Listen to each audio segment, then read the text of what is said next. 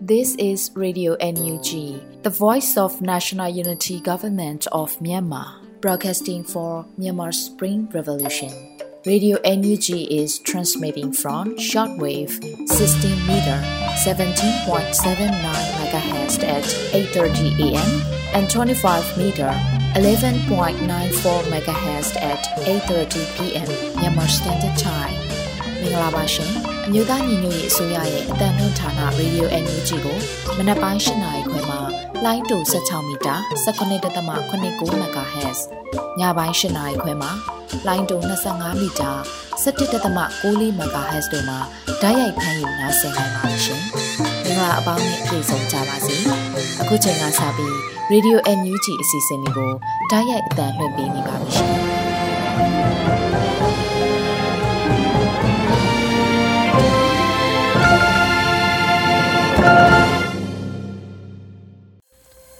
မြန်မာနိုင်ငံသူနိုင်ငံသားအပေါင်းတဘာဝဘေးစစ်အာဏာရှင်ဘေးတို့ကနေကင်းဝေးပြီးဘေးကင်းလုံခြုံကျန်းမာကြပါစေလို့ရေဒီယိုအန်ယူဂျီအဖွဲ့သားများကဆုတောင်းမြတ်တာပို့သလိုက်ရပါတယ်ရှင်ပထမဆုံးအနေနဲ့ကာကွယ်ရေးဝန်ကြီးဌာနရဲ့စစ်ရေးသတင်းအကျဉ်းချုပ်ကိုຫນွေဦးမောင်မှတင်ပြပေးမှာဖြစ်ပါတယ်ရှင်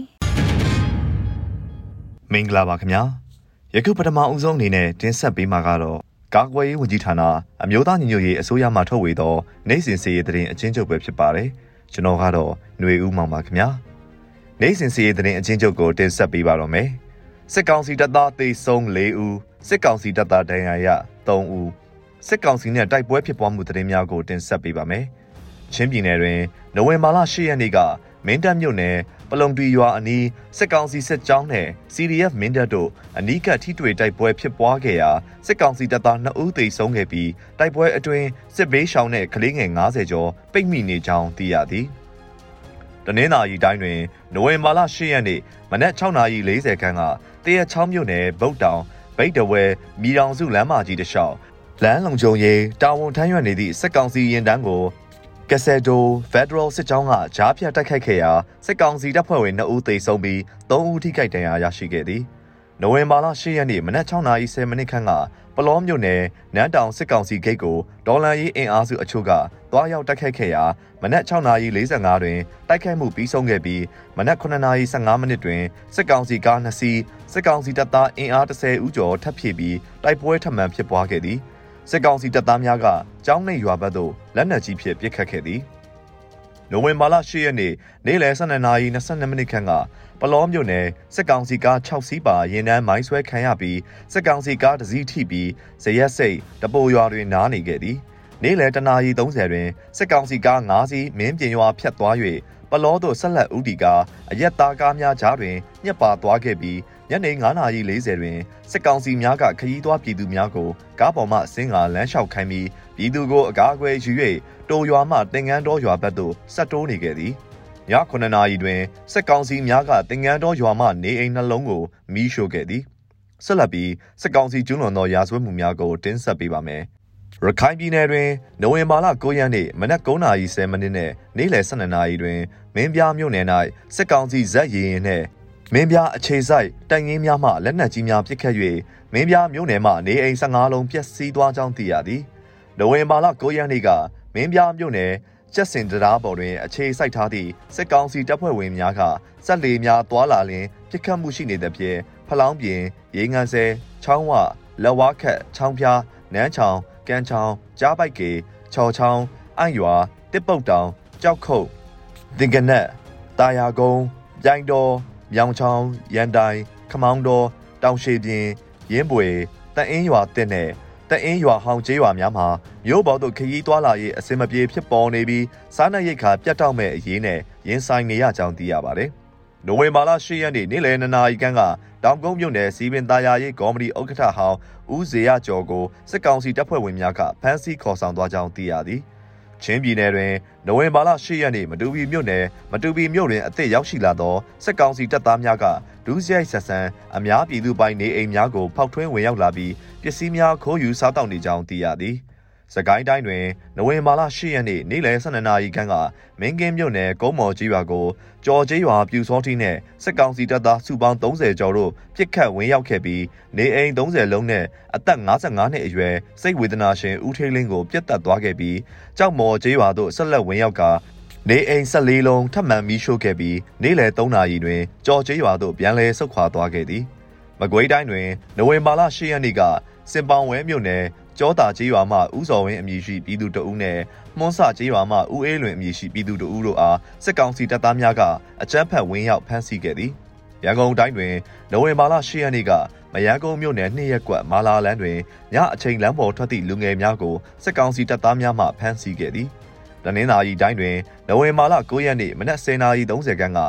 တဝဲမြို့နယ်တဝဲဒေသအခြေစိုက်ပြည်သူ့ကာကွယ်ရေးတပ်သား ကိုအောင်ခိုင်ဤဖခင်အသက်60ကျော်အရွယ်ဦးကြည်လွင်ဤအလောင်းကိုတဝဲမြို့လမ်းမသစ်တွင်လမ်းသွားလမ်းလာများကတွေ့ရှိခဲ့သည်စစ်ကောင်စီကားရဲကားများတဝဲမြို့ကျက်စားပြင်ရွာထဲသို့ဝင်ရောက်လာပြီးတိတ်မကြခင်ကိုအောင်ခိုင်ဤဖခင်နဲ့နောက်ထပ်အမျိုးသားတအူးကိုဖမ်းဆီးသွားခဲ့ပြီးနောက်ယခုလိုအလောင်းသာပြန်တွေ့ခဲ့ရခြင်းဖြစ်သည်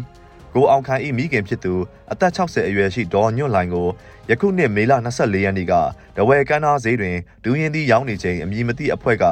တနက်နှင့်အသေးပြစ်တက်ခဲ့သည်လက်ရှိတွင်ကိုအောင်ခိုင်ဤဖခင်အလောင်းကိုလူမှုကူညီရေးအသင်းကဒဲယူသွားပြီး၎င်းနှင့်အတူဖမ်းဆီးခံရသည့်အမျိုးသား၏အခြေအနေကိုရွာခံများကစိုးရိမ်နေကြောင်းသိရသည်နိုဝင်ဘာလ10ရက်နေ့ကပလောမြို့နယ်ရှိကျေးရွာနေရွာကိုဝင်ရောက်လာသည့်စစ်ကောင်စီစစ်ကြောင်းကပြည်သူများ၏နေအိမ်လေးလုံးကိုမီးရှို့ဖျက်ဆီးသွားခဲ့သည်စစ်ကောင်စီတပ်သားများက ဗိမ်းမြို့ရှိစစ်ကောင်စီကား9စီးအင်အားအပြည့်နဲ့ပလောမြို့နယ်သို့ရောက်လာ၍ကျဲရွာအနီးတွင်ခြေလျင်စစ်ကြောင်းနှစ်ကြောင်းထပ်ခွဲကာစစ်ကြောင်းထိုးလာပြီးစစ်ကြောင်းတက်လာချိန်လမ်းတစ်လျှောက်ချင်းချောက်တနက်ပစ်ခတ်ခြင်းများကိုအများအပြားလုပ်ခဲ့ရာစက်တော်ရာရွာကအမျိုးသမီးတဦးတနက်ထိမှန်ခဲ့ပြီးအရေးပေါ်ကုသမှုခံယူနေရကြောင်းသိရသည်ညနေ6နာရီတွင်စစ်ကောင်စီတပ်သားများတင်ငန်းတော်ကျေးရွာသို့ဝင်ရောက်ပြီးမှွေနှောက်နေကြောင်းသိရသည်ယခုတင်ဆက်ပေးခဲ့တာကတော့နိုင်စဉ်စီရေးသတင်းအချင်းချုပ်ပဲဖြစ်ပါတယ်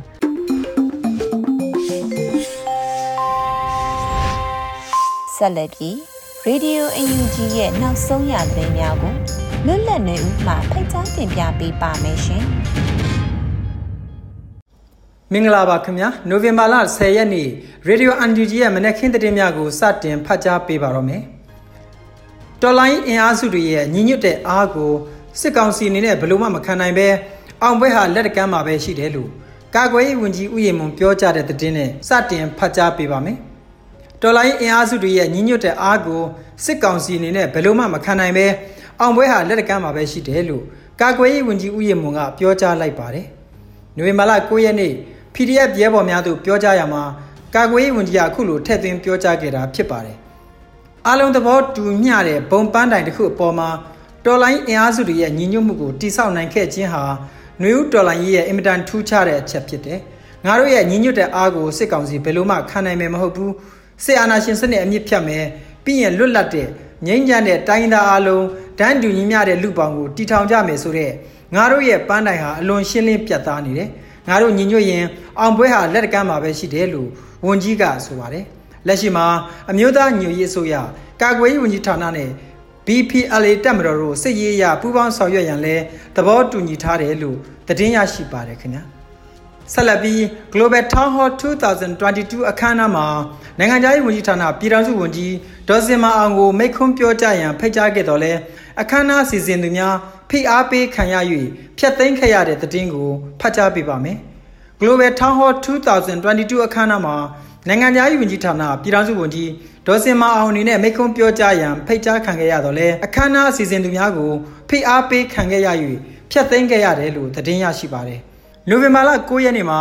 အမျိုးသားညွရေးဆိုရနိုင်ငံသားရေးဝန်ကြီးဒေါ်စင်မာအောင်ရဲ့လူမှုကွန်ရက်ကတဆင့်အခုလိုသတင်းကိုထုတ်ပြန်ဖော်ပြခဲ့ပါတယ်။ Sustaining Peace and Development in a Divided World ခေါင်းစဉ်ဖြင့်ကျင်းပသည့် Global Town Hall 2022အခမ်းအနားတွင်အမှားစကားပြောကြရန်အတွက်အမျိုးသားညွရေးဆိုရနိုင်ငံခြားရေးဝန်ကြီးဌာနပြည်ထောင်စုဝန်ကြီးဒေါ်စင်မအောင်အားဖိတ်ကြားခြင်းပြုခဲ့တယ်လို့သိရပါတယ်။သို့တော်လည်းအခမ်းအနားစီစဉ်သူများအနေနဲ့ ဖိအားပေးမှုအချို့နဲ့ရင်ဆိုင်ခဲ့ရတာကြောင့်အဆိုပါစီစဉ်ကိုဖျက်သိမ်းခဲ့ရပါတယ်လို့သတင်းရရှိပါတယ်။အဆိုပါအခမ်းအနားကိုနိုင်ငံခြားရေးဝန်ကြီးဒုဝန်ကြီးဦးမိုးစောဦးဒီလည်းတက်ရောက်ဆွေးနွေးပေးရန်ဖိတ်ကြားခံခဲ့ရပြီးနောက်စီစဉ်သူများအနေနဲ့အလားတူဖိအားများနဲ့ရင်ဆိုင်ခဲ့ရတာကြောင့်တက်ရောက်နိုင်ခဲ့ခြင်းမရှိပါဘူးခင်ဗျာ။ပြည်ထရေးနဲ့လူဝမှုကြီးကြပ်ရေးဝန်ကြီးဌာနနဲ့စကိုင်းတိုင်းမကွေးတိုင်းရှိမြို့နယ်ပြည်သူ့အုပ်ချုပ်ရေးဖွဲ့များတွေ့ဆုံဆွေးနွေးတဲ့သတင်းကိုတင်ပြပေးပါဦးမယ်။ ပြည်ထရေးနဲ့လူဝမှုကြီးကြပ်ရေးဝန်ကြီးဌာနနဲ့စကိုင်းတိုင်းမကွေးတိုင်းရှိမြို့နယ်ပြည်သူ့အုပ်ချုပ်ရေးဖွဲ့များတွေ့ဆုံဆွေးနွေးခဲ့တယ်လို့သတင်းရရှိပါတယ်။နိုဝင်ဘာလ9ရက်နေ့မှာအမျိုးသားညွရေးအစိုးရပြည်ထရေးနဲ့လူဝင်မှုကြီးကြပ်ရေးဝန်ကြီးဌာနနဲ့စကိုင်းတိုင်းမကွေးတိုင်းရှိမြို့နယ်ပြည်သူ့အုပ်ချုပ်ရေးအဖွဲ့များတွေ့ဆုံဆွေးနွေးမှုအစည်းအဝေးရှစ်မြင်းဆောင်2022ကိုကျင်းပခဲ့ကြပါတယ်။ဆွေးနွေးပွဲကိုပြည်ထရေးနဲ့လူဝင်မှုကြီးကြပ်ရေးဝန်ကြီးဌာနတွဲဘက်အမြဲတမ်းအတွင်းဝင်ဒေါက်တာလှိုင်မြင့်ဟန်မှတက်ရောက်၍အဖွဲ့မှစကားပြောကြားရတယ်။ ပြည်သူတော်လှန်ရေး၌အထက်အောက်မရှိဘဲအားလုံးပေါင်းစည်းညှိနှိုင်းဆောင်ရွက်သွားရန်လိုအပ်ပါကြောင်းအုပ်ချုပ်ရေးလုပ်ငန်းစဉ်များသည်အသည့်အသည့်ဖြင့်ဆောင်ရွက်ရသည်ဖြစ်၍ပြည်သူလူထုရဲ့လုံခြုံရေးနှင့်ဝန်ဆောင်မှုများကိုစစ်စစ်လုံးလုံးနဲ့ဆောင်ရွက်ပေးစီလိုပါကြောင်းတော်လိုင်းရေးလောက်ကင်နေသည်ကိုမျက်ခြေမပြတ်ရန်လိုအပ်ပါကြောင်းအပတ်စဉ်တွေ့ဆုံဆွေးနွေးခြင်းဖြစ်၍မြေပြင်မှအခြေအနေများကိုဆွေးနွေးကြရန်ဖြစ်ပါကြောင်းပြောကြားခဲ့ပါတယ်။ ဆက်လက်ပြီးတက်ရောက်လာသောပအဖအဖွဲ့ဝင်များကမြေပြင်အုပ်ချုပ်ရေးဆောင်ရွက်နေမှုများကြုံတွေ့နေရတဲ့အခက်အခဲများနှင့်လိုအပ်ချက်များတို့ကိုရှင်းလင်းတင်ပြပြီးမူဝါဒပိုင်းဆိုင်ရာသိရှိလိုသည့်များကိုမေးမြန်းခဲ့ကြပါတယ်။အစည်းအဝေးသို့တွဲဘက်အမြဲတမ်းအတွင်းဝင်မှဦးဆောင်ကပြည်သူ့အုပ်ချုပ်ရေးဦးစီးဌာနပြည်သူ့ရဲတပ်ဖွဲ့မိသားဦးစီးဌာနလူဝင်မှုကြီးကြပ်ရေးဦးစီးဌာနအထူးစုံစမ်းစစ်ဆေးရေးဦးစီးဌာနတို့မှတာဝန်ရှိသူများစကိုင်းတိုင်းမကွေးတိုင်းမှမြို့နယ်ပြည်သူ့အုပ်ချုပ်ရေးဖွဲ့ဝင်များတက်ရောက်ခဲ့ကြပါတယ်ခင်ဗျာ အမျိုးသားဒီမိုကရေစီအဖွဲ့ချုပ်ဗဟိုအလုပ်ကော်မတီနဲ့နိုင်ငံတကာရှိ NLD များယင်းနှီးပွင့်လင်းစွာတွေ့ဆုံခဲ့တဲ့တဲ့တင်ကိုတင်ပြပေးပါမယ်။အမျိုးသားဒီမိုကရေစီအဖွဲ့ချုပ်ဗဟိုအလုပ်ကော်မတီနဲ့နိုင်ငံတကာမှာရှိနေကြတဲ့ NLD အဖွဲ့ဝင်များရင်းနှီးပွင့်လင်းစွာတွေ့ဆုံခဲ့ကြပါတယ်။မြန်မာလ9ရက်နေ့မှာအမျိုးသားဒီမိုကရေစီအဖွဲ့ချုပ်ဗဟိုအလုပ်ကော်မတီနဲ့နိုင်ငံတကာရှိ NLD များတွေ့ဆုံမှုကိုရန်ကုန်တိုင်း NLD သတင်းနဲ့ပြန်ကြားရေးကထုတ်ပြန်ဖော်ပြခဲ့ပါတယ်။အဆိုပါတွေ့ဆုံပွဲသို့ အမျိုးသားဒီမိုကရေစီအဖွဲ့ချုပ်ဗဟိုအလုပ်ကော်မတီမှဦးအောင်ကြည်ညွန့်ဒေါက်တာမေဝင်းမြင့်ဦးခင်ဆောင်စတဲ့အလုပ်ကော်မတီဝင်များတက်ရောက်ခဲ့ပါတယ်။အဆိုပါတွေ့ဆုံဆွေးနွေးရမှာတရားမဝင်စစ်ကောင်စီကကျင်းပဖို့ကြိုးပမ်းနေတဲ့တရားမဝင်ရွေးကောက်ပွဲကိုစန့်ကျင်တိုက်ဖြတ်သွားကြဖို့သဘောထားချမှတ်ခဲ့ကြတယ်လို့လည်းသတင်းရရှိပါတယ်ခင်ဗျာကရင်ပြည်နယ်လူတော်မြို့နယ်စော်မူပလောကြီးရွာအုပ်စုတွင်းသို့လေချောင်းမှဘုံကျဲတိုက်ခိုက်၍ဖျားရှိခိုးကျောင်းတစ်ကျောင်းနဲ့မူလရန်ကျောင်းတစ်ကျောင်းထိခိုက်ပျက်စီးသွားပါတယ်။ နိုဝင်ဘာလ9ရက်နေ့နဲ့တနင်္ဂနွေကျော်ခန့်အချိန်အာနာသိစစ်ကောင်စီရဲ့လေတပ်မှလေချောင်းဘုံကျဲတိုက်ခိုက်မှုကိုပြုလုပ်ခဲ့တယ်လို့ KNU ဗဟိုမှသတင်းထုတ်ပြန်ဖော်ပြပါတယ်။ KNU ကရင်မျိုးသားစီယုံကော်တူးလေအောက်ချုပ်နေမီမူတရခရိုင်လူတော်မြို့နယ်စော်မူပလောကျေးရွာအုပ်စုအတွင်းနိုဝင်ဘာလ9ရက်နေ့နက်နက်တနိုင်ကျော်ခန့်ချိန်တွင်အာနာသိန်းအကြမ်းဖက်စစ်ကောင်စီတပ်များမှပြည်သူလူထုကိုပြစ်မှတ်ထား၍လေကြောင်းဖြင့်တာဘောကော်ရဲကျေးရွာတွင်သို့လာရောက်ဘုံကျဲတိုက်ခိုက်ခဲ့ပါတယ်လို့ဆိုပါတယ်။ လေကြောင်းတိုက်ခိုက်မှုကြောင့်ခရစ်ယာန်ဖျားရှိခိုးကျောင်းတစ်ကျောင်းနှင့်မူလဒန်းကျောင်းတစ်ကျောင်းထိခိုက်ပျက်စီးသွားကဖျားကျောင်းဤပတ်ဝန်းကျင်နေအိမ်များထိခိုက်မှုရှိတော့လဲအရေးအတွက်အတိအကျကိုစီစစ်အတီးပြုတ်နေစေဖြစ်တယ်လို့သတင်းရရှိပါတယ်ခင်ဗျာတက်လက်ပြီးထိုင်ဝမ်နိုင်ငံမှာ UNG Pay အသုံးပြုနေနိုင်ပြီလို့အသိပေးကြေညာခဲ့တဲ့သတင်းကိုတင်ပြပေးပါမယ်ထိုင်ဝမ်နိုင်ငံမှာလည်း UNG Pay အသုံးပြုနိုင်ပြီလို့အသိပေးကြေညာထားပါတယ်နိုဝင်ဘာလ9ရက်နေ့မှာ UNG Pay ကနေအခုလိုအသိပေးဖော်ပြတာပါ ထိုင်ဝမ်မှာလည်း UNG Pay ရှိနေပါပြီဒေါ်လာခေတ်ရဒေါ်လာပိတ်ဆန် DMAK နဲ့ UNG Pay ကိုအသုံးပြုပြီးလွတ်လပ်တဲ့တရားမျှတတဲ့ Federal Democracy ပြည်ထောင်စုစီအရောက်လှမ်းကြမယ်လို့သတင်းကဆိုပါတယ်။ UNG Pay ဟာလက်ရှိမှာသုံးစွဲသူ1000ခွဲခန့်ရှိနေပြီးတော့အကောင့်ဖွင့်လို့သူများအနေနဲ့နိုင်ငံတကာရှိ UNG Pay agent များကိုဆက်သွယ်ဆောင်ရွက်နိုင်တယ်လို့သတင်းရရှိပါတယ်ခင်ဗျာ။ ကျိုင်းတုံဟော်နန်းဖြိုချဖျက်ဆီးခံရခြင်း32နှစ်ပြည့်နှစ်ပတ်လည်တိုက်တွန်းနှိုးဆော်ချက်ကို GSCN ကထုတ်ပြန်လိုက်တဲ့သတင်းကိုတင်ပြပါမယ်။ကျိုင်းတုံဟော်နန်းဖြိုချဖျက်ဆီးခံရခြင်း32နှစ်ပြည့်နှစ်ပတ်လည်တိုက်တွန်းနှိုးဆော်ချက်ကို GSCN ကထုတ်ပြန်လိုက်ပါတယ်။ရှမ်းပြည်သူတို့၏တမိုင်းအမွေနှစ်တစ်ခုဖြစ်တဲ့ကျိုင်းတုံဟော်နန်းကြီးကိုလူမျိုးကြီးဝါဒဖြင့်အာနာယုတစုကဖြိုချဖျက်ဆီးခဲ့ဒီမှာနိုဝင်ဘာလ9ရက်နေ့တွင်32နှစ်ပြည့်မြောက်ခဲ့ပြီဖြစ်တယ်လို့ GSCN ကဆိုပါတယ်။ စစ်အာဏာရှင်တွေဟာမြည်တို့ပေအတူရောက်ဟော်နန်းများကိုပြန်လည်တိစောက်ပေးတော်လဲရှမ်းပြည်နယ်ရဲ့ကိုပိုင်ပြဋ္ဌာန်းခွင့်နဲ့ရှမ်းပြည်သူတို့မှာအမှန်တရားနဲ့တရားမျှတမှုတို့မှာပျောက်ဆုံးနေစေဖြစ်ပါတယ်။သွေးစွန်းသောငွေများနဲ့တိဆောက်နေသောဟော်နှမ်းများကိုစန့်ကျင်ရမှာဖြစ်တဲ့ကဲ့သို့ပါဝင်ပတ်သက်နေသောစီးပွားရေးလုပ်ငန်းများလူပုဂ္ဂိုလ်များကိုလည်းအပိတ်မှောက်ကြပါစို့လို့နှိုးဆော်ထားပါတယ်။ဝိုင်းကော့လောက်ရန်နှိုးဆော်ထားသောစစ်တပ်နဲ့ပတ်သက်တဲ့လုပ်ငန်းများမှာ Amazing Hotel Group, Adventure Myanmar Travel and Tour, Main Din Construction တို့ဖြစ်ပါတယ်ခင်ဗျာ။သောတာရှင်များခင်ဗျာ။အခုနားဆင်ကြရတဲ့သတင်းတွေကိုရေဒီယိုသတင်းတောင်မင်းမင်းကပေးပို့ထားတာဖြစ်ပါတယ်ကျွန်တော်ကတော့လွတ်လပ်မျိုးပါ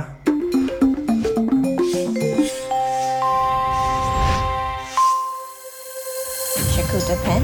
အမျိုးသားညီညွတ်ရေးအစိုးရလက်စစ်နဲ့စွမ်းအင်ဝန်ကြီးဌာနပြည်ထောင်စုဝန်ကြီးနဲ့ရေဒီယို UNG ရဲ့တွေ့ဆုံမေးမြန်းခန်းကိုထုတ်လွှင့်တင်ဆက်သွားမှာဖြစ်ပါတယ်ရှင် မင်္ဂလာပါဝန်ကြီးခင်ဗျာဝန်ကြီးတို့အနေနဲ့လျှက်စစ်စွမ်းရည်ဝန်ကြီးဌာနအနေနဲ့2022ခုနှစ်အတွင်းမှာဘာတွေဆောင်ရွက်ခဲ့ပြီးတော့2023နှစ်အတွင်းမှာရှေ့လုပ်ငန်းစဉ်တွေဘာတွေဆောင်ရွက်ဖို့ရှိပါသလဲဆိုတဲ့မေးခွန်းလေးကိုပထမဆုံးမေးချင်ပါတယ်ခင်ဗျာမင်္ဂလာပါခင်ဗျာခုလိုယူကောက်ပွဲလဲနှစ်နှစ်ပြည့်တဲ့ကာလပြီးတော့တစောင်းတိုင်းပွဲတော်ကာလလည်းဖြစ်တဲ့ကာလအချိန်မှာကျွန်တော်တို့ခုလိုမျိုးဒီ နိုင်ငံတော်ကပြည်သူတွေ NED Radio ရဲ့ပေးသက်တင်နဲ့ဆုံတွေ့ရတာအများကြီးဝမ်းသာပါတယ်အားလုံးကိုလည်းကျွန်တော်တို့ online ရေးကိုဝိုင်းဝန်းပါဝင်ညီပံ့ပိုးနေကြတယ်ကိုယ်တိုင်ပါဝင်တိုက်ပွဲဝင်နေကြတဲ့အတွက်ကြောင့်လေးစားတဲ့အကြောင်းလည်းဗနာမပြောချင်ပါတယ်ကျွန်တော်တို့လေးစစ်စွမ်းရည်ဝန်ကြီးဌာနအနေနဲ့2022ခုနှစ်ကတော့ကျွန်တော်တို့စီအစီအကိုတိုးမြင့်လာတယ်ဒီပြိုင်ထဲမှာပဲကျွန်တော်တို့ ဟိုတချို့ဒေတာတွေမှာဒေတာတော့အုပ်ချုပ်ရေးတွေလည်းကျွန်တော်ဒီထောင်လိုက်လိုက်နဲ့ချိန်လဲဖြစ်တဲ့အခါမှာကျွန်တော်တို့အနေနဲ့တော့လက်စစ်စွမ်းရင်ခန္ဓာအနေနဲ့တော့တစ်ဖက်ကလည်းကျွန်တော်တို့ဒီလက်စစ်သားရရှိဖို့ပေါ့နော်ရန်သူကဖြည့်ဆည်းလို့ဖြည့်ဆည်းသွားတဲ့လက်စစ်လမ်းကြောင်းတွေကိုတတ်နိုင်မှပြုပြင်ပေးဖို့လေနောက်တစ်ခါတချို့လိုအပ်တဲ့နေရာတွေသူပြင်စီးုံစေးကန်းလိုနေရာတွေအတွက်ဇူလာနဲ့တရားရရှိဖို့လေဟိုစက်တွေကဏ္ဍအနေနဲ့လည်းတစ်ဖက်ကနေပြီးတော့ကြိုးစားနေတဲ့အချိန်မှာကျွန်တော်ကလက်စစ်သား ပြီးနိုင်မှုတွေဒါတွေလည်းကြိုးစားနေတာတွေရှိပါတယ်နောက်တစ်ခါတစ်ဖက်ကလည်းကျွန်တော်တို့ခွန်ကောက်ဖက်ကပေါ့နော်ပြည်သူတွေရဲ့မူရင်းကုန်စည်နှုန်းကျဆင်းရေးနဲ့သက်ဆိုင်နေတဲ့ကျွန်တော်တို့တာမန်လောင်စာစီတွေနဲ့ပတ်သက်ပြီးတော့သိပြီးတော့ခွန်အောက်အကောက်ခံအနေနဲ့ထုတ်ဖို့ဝန်တော့ဝန်ဖြစ်စေပဲနဲ့ဒါပေမဲ့တစ်ဖက်ကကျွန်တော်လည်းအကြီးသားတိတ်ပူဆောင်မှုတွေအခုကြတော့ကျွန်တော်တို့ပို့ပြီးတော့ဟိုဒါပေါ်မှာခွန်ကောက်ကောက်ခံနိုင်အောင်ဒီကနေပြီးတော့တစ်ဖက်ကလည်းကျွန်တော်တို့ဒေါ်လာရေးအတွက်လည်း အားဖြည့်အောင်ပြည်သူတွေရဲ့အတွက်လူသားရဲ့ကျင်းစာနာထောက်ထားရေးအတွက်အကူအညီတွေပေးနိုင်အောင်ကျောင်းဟိုင်ပညာရေးအကူအညီပေးနိုင်အောင်လည်းကျွန်တော်တို့ကြိုးစားဆောင်ရွက်ဖြစ်တာတွေရှိပါတယ်။2023ခုနှစ်မှာတော့ကျွန်တော်တို့ပို့ပြီးတော့ကျွန်တော်တို့တစ်နှစ်ဒီကျွန်တော်တို့စီမံကိန်းအနေနဲ့ဆက်ပြီးလုပ်နေတဲ့အချိန်မှာဒီလုပ်ငန်းတွေကိုပဲကျွန်တော်တို့ထပ်ပြီးအချိန်ကိုမြင့်ပြီးတော့လှုပ်ဆောင်လာဖို့ရှိတယ်ဆိုတာလေးပြောချင်ပါတယ်။ဟုတ်ကဲ့ပါခင်ဗျ။အဲနောက်ထပ်ကအကြမ်းဖက်စစ်ကောင်စီရဲ့ဝင်ငွေရတဲ့လမ်းကြောင်းတွေကိုဖျက်တောက်မှုအခြေအနေအောင်ဘယ်လိုလေးများရှိပါသလဲခင်ဗျာ။ ရန်ဖက်စီအောင်စီရဲ့ရလန်းကြောင်းတွေဖြတ်တော့မှုကတော့ပထမဆုံးအားလုံးသိရတဲ့မှာပဲကျွန်တော်တို့ဒါဝန်ကြီးဌာနစားဖွဲ့ကလေးကလုပ်ခဲ့တဲ့ကိစ္စပါကျွန်တော်တို့အနေနဲ့ဒီဟိုပြည်သူတွေအနေနဲ့ကိုဗစ်ကာလတွေကစပြီးတော့အရင် NLD ဆိုရအနေစပြီးလုပ်ခဲ့တဲ့အတိုင်းပဲကျွန်တော်တို့အိမ်လုံးမီတာကားတွေကိုမပြီးဆောင်ရဖို့ဟိုကြိုးစားခဲ့တာရှိပါတယ်အဲတပြိုင်တည်းမှာတော့လုပ်ငန်းသုံးမီတာကားတွေဘက်ကတော့ကျွန်တော်ဒီနေ့အချိန်မှာတော့ကျွန်တော်အခွန်ကောက်တွေပြီးရင်ပြီးပြီးတင်ပေးနိုင်မှုအတွက်ကျွန်တော်ကြိုးစားပြီးတော့ စီစဉ်ပေးနေရရှိပါတယ်အဲ့တော့ကျန်ဘဲကောင်စီရဲ့ဝန်ကြီးလမ်းကြောင်းဖြတ်တတ်တဲ့ကိစ္စမှာဆိုရင်ဒီတစ်စိမီတာကမပြီးဆောင်တဲ့ခဲ့တဲ့အတွက်ကြောင့်ကျွန်တော်တို့ကဟိုတစ်နှစ်ကာလနဲ့တွက်မယ်ဆိုရင်ကျွန်တော်တို့ဟိုတစ်ဘီလီယံတဲ့မနေဖြတ်တော့နိုင်ခဲ့တာကိုတွေ့ရပါဖြစ်ပါတယ်ဟုတ်ကဲ့ဝင်ကြီးခင်ဗျကျွန်တော်တို့သိထားတာကတော့အခုစစ်ကောင်စီရဲ့ဝင်ငွေအရဆုံးလမ်းကြောင်းကပေါ့နော်ရေနံနဲ့တဘာဝတက်ငွေလုပ်ငန်းဖြစ်နေတာဆိုတော့အဲ့ဒီဝင်ငွေရလမ်းကြောင်းတွေကိုပိတ်ဆို့ဖို့ရော ဝင်ကြီးတို့ဝင်ကြီးဌာနအနေနဲ့နိုင်ငံတကာရဲ့ပူးပေါင်းဆောင်ရွက်မှုအခြေအနေကိုပြောပြပေးပါလားခင်ဗျာစစ်ကောင်စီရဲ့ဝန်ရာဇဝလမ်းကြောင်းတစ်ခုဖြစ်တဲ့ရေနံနဲ့သဘာဝလုပ်ငန်းကိုကျွန်တော်တို့ပိတ်ဆို့ဖို့အတွက်ကျွန်တော်တို့အမျိုးမျိုးကြိုးစားခဲ့ပါတယ်ကျွန်တော်တို့ဝန်ကြီးဌာနစဖွဲ့ခဲ့တဲ့အချိန်လေးကစပြီးတော့ကျွန်တော်တို့နိုင်ငံတကာအဖွဲ့အစည်းတွေနဲ့တွေ့ခဲ့တယ်နိုင်ငံတကာဆူရတွေလွတ်တော်တွေနဲ့လည်းတွေ့ခဲ့တာရှိပါတယ်ကျွန်တော်တို့ဒီတော့ကြောင့်လည်းအားလုံးသိတဲ့အတိုင်းပဲအလားမြန်မာပြည်မှာလုပ်နေတဲ့လုပ်ငန်းကြီးတွေတွေကနေပြီးတော့မှ ဟာဒိုတယ်နဲ့ chevron လိုမျိုးယတနာသဘောတောင်းဝိကိစ္စနောက်တစ်ခါဒီဘက်ကကျွန်တော်တို့ဟို petronas ဆိုခေါ်တဲ့ဒီကျွန်တော်တို့ရဲတကုံသဘောတောင်းဝိလုပ်ငန်းနောက်တစ်ခါဒီ M ဒီ ASIS လို့ခေါ်တဲ့ကျွန်တော်တို့ချောင်းသားရဲ့အနောက်ဘက်ကသဘောတောင်းဝိလုပ်ငန်းကြီးကမြန်မာနိုင်ငံဆုတ်ခွာသွားတာကိုလည်းအားလုံးအသိပဲသိပဲဖြစ်ပါတယ်တစ်ဖက်ကလည်းကျွန်တော်တို့နိုင်ငံတကာဒီကျွန်တော်တို့အဖွဲ့အစည်းတွေဖြစ်တဲ့ရက်စစ်ဖို့မြန်မာနဲ့ black money campaign လုပ်နေတယ်ပူးပေါင်းပြီးတော့ကျွန်တော်လှုပ်ဆောင်နေရတဲ့ရှိပါတယ်နိုင်ငံတကာကနေကျွန်တော်ရှေ့ဒီရှေ့ရအဖွဲ့အစည်းတွေနဲ့ပူးပေါင်းဆောင်ရွက်နေရတဲ့ရှိပါတယ်ဟုတ်ကဲ့အခုဆက်သိချင်တာလေးရပါတော့အခုဆိုရင်မြို့နယ်တွေမှာမီတာမဆောင်ရင်အရေးယူတာတွေမီတာပုံးဖြုတ်သိမ်းတာတွေကိုလှုပ်ဆောင်နေကြတဲ့အခါမှာပေါ့အဲ့ဒီအပေါ်မှာကောမှတ်ချက်စကားလေးပြောပေးပါအောင်ခင်ဗျာနေမျိုးတွေမှာမီတာမဆောင်ရင်ရေးယူတာတွေမီတာဘုံဖြုတ်သိမ်းတာတွေကိစ္စအတွက်လည်းကျွန်တော်တို့ဒါဟောလည်းအနီးမျိုးနဲ့ကြိုးစားပါတယ်အနုနီးနဲ့မရရင်လည်းအကျန်းနီးနဲ့လောက်တာလောက်ဆောင်ခဲ့ရတာတွေလည်းရှိပါတယ် ကျွန်တော်တို့အနေနဲ့တရိုက်ညွှန်ကြားလမ်းညွှန်တာတွေမဟုတ်တော့ညာလဲသက်ဆိုင်ရာဖွဲ့စည်းတွေကနေသူတို့ရဲ့တာဝန်တိုင်းသူတို့လုပ်နေခဲ့တာတွေလည်းရှိပါတယ်ကျွန်တော်တို့အမြင်ရတော့ပြည်သူတွေအနေနဲ့ကတော့ဒါဒီဒီလိုမျိုးဒီတာကဆောင်ခြင်းဒီရန်သူတွေကြီးစံဖို့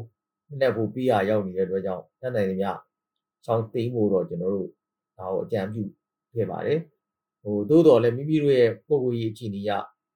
ဒါကိုမိမိမိသားစုအခြေအနေရတကယ်လို့ ဆောင်ရမယ်ဆိုရင်လည်းကျွန်တော်တို့ဘက်ကတော့ဒီအတွက်ကို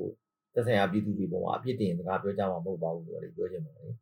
ဟုတ်ကဲ့ကျေးဇူးတင်ပါတယ်အခုဆက်သိကျင်တာလေးကလည်းတခုရှိပါသေးတယ်အဲ့ဒါကလျှက်စစ်နဲ့စွမ်းရည်ဝင်ကြီးဌာနမှာ CDM မလုပ်ဘဲနဲ့စစ်ကောင်စီရဲ့တောက်တိုင်ဖြစ်တာဝန်ထမ်းဆောင်နေပြီးတော့ CDM နဲ့ပြည်သူတွေအခက်တွေ့အောင်လှုပ်ဆောင်နေကြတဲ့ non CDM အကြီးပိုင်းတွေရှိပါတယ်ပေါ့နော်ဒါတွေကိုကောဝင်ကြီးတို့အနေနဲ့အရေးယူမှုတွေရှိလာမလားဆိုတာလေးသိချင်ပါတယ် တက်စင်နဲ့စွမ်းရည်ဝင်ကြီးဌာနမှာ CDM လုပ်ထားတဲ့လူပေါင်း8000နဲ့900ကျော်ရှိပါတယ်။ကျန်တဲ့သူတွေကစစ်ကောင်စီရဲ့တောက်တိုင်တွေဖြစ်နေဆက်လက်ထမ်းဆောင်ပြီးတော့ဟိုတချို့တွေကဆိုရင်သူတို့ဘာသူတို့တောက်တိုင်တွေထမ်းဆောင်နေမကဘဲနဲ့ CDM လှုပ်ဆောင်ထားတဲ့သူတွေပြည်သူတွေကိုခက်ခဲတွေ့အောင်လုပ်နေတဲ့သူတွေလည်းရှိနေပါတယ်။တခါနန်း CDM နဲ့မှလည်းကြီးပိုင်းနေဒါတွေအားလုံးကိုကျွန်တော်တို့ကရည်ယူမှုတွေတောက်ချောက်ရှိခဲ့ပါတယ်။ဟိုအကြီးပိုင်းတွေကိုဆိုရင်တော့ကျွန်တော်တို့ဒီကျွန်တော်တို့ ဒီတစ်ထောက်ညုံမှုအလေအဆင့်အထိကိုကျွန်တော်တို့အားလုံးကိုကျွန်တော်တို့ဌာနကနေအပြီးပိုင်းထုတ်ပေးတဲ့မိသားတွေလည်းထုတ်လုပ်ခဲ့ပြီးသားဖြစ်ပါတယ်အလားတူဒါပေမဲ့လည်းတစ်ဖက်ကလည်း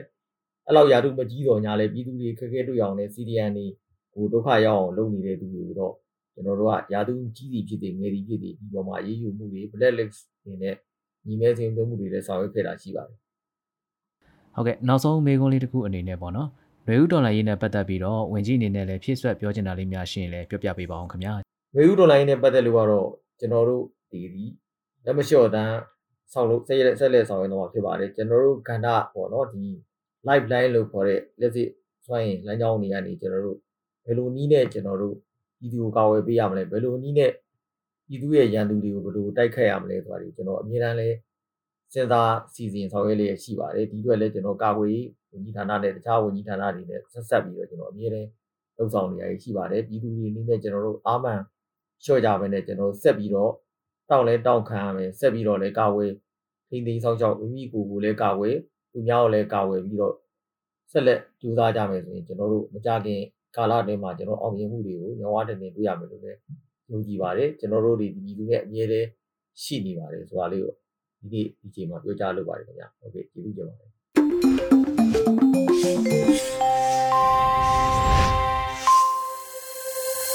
Radio UNG သောတာရှင်များရှင် PVTV ရဲ့နေ့စဉ်သတင်းများကိုထထအင်ဒရာအောင်မှဖက်ချန်းတင်ပြပေးထားပါတယ်ရှင်ပထမဆုံးတင်ဆက်ပေးမယ့်သတင်းကတော့2020ပြည်နှစ်ပါတီစုံဒီမိုကရေစီထွေထွေရွေးကောက်ပွဲနှစ်နှစ်ပြည့်အထိမ်းအမှတ်သဘောထားထုတ်ပြန်ချက်ကိုပြည်ထောင်စုလွှတ်တော်ကိုစားပြုကော်မတီ CRPH ထုတ်ပြန်လိုက်တဲ့သတင်းမှာ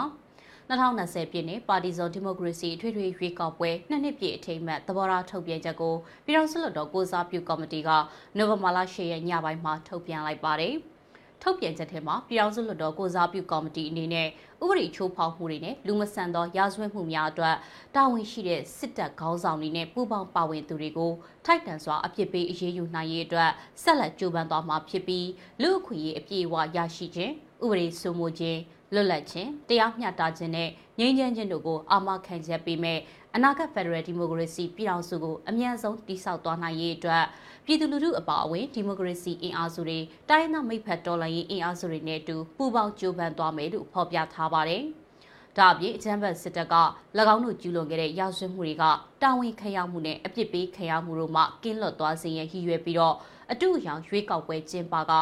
အာဏာသိမ်းမှုရဲ့ထွက်ပေါက်နီလန်တစ်ခုဖြစ်နိုင်ငံတကာနဲ့ပြည်သူလူထုကိုလှည့်ပြဖို့ကြိုးပမ်းနေတယ်ဆိုပြီးတော့လည်းထောက်ပြထားပါတယ်။အကြံဖတ်စစ်ကောင်စီကစီစဉ်နေတဲ့အတူရောက်ရွေးကောက်ပွဲအပေါ်မှာလည်းပူးပေါင်းဆောင်ရွက်တာမျိုးမပြုလုပ်ဘဲနဲ့တာစီကန့်ကွက်ဖို့အတွက်လည်းကမ္ဘာနိုင်ငံတွေနဲ့ပြည်တွင်းကနိုင်ငံရေးပါတီတွေကို CRPH ကတိုက်တွန်းတောင်းဆိုထားပါတယ်။ ဆက်လက်တင်ဆက်ပေးမှာကတော့ဂျာကာလာဒေသန္တရပြည်သူ့အုပ်ချုပ်ရေးဖော်ဆောင်မှုဗဟုကော်မတီနဲ့တိုင်းဒေသကြီးလွှတ်တော်ကိုစားပြုကော်မတီဝင်များတွေ့ဆုံဆွေးနွေးမှုပြုလုပ်ခဲ့တဲ့ဆိုတဲ့သတင်းမှာ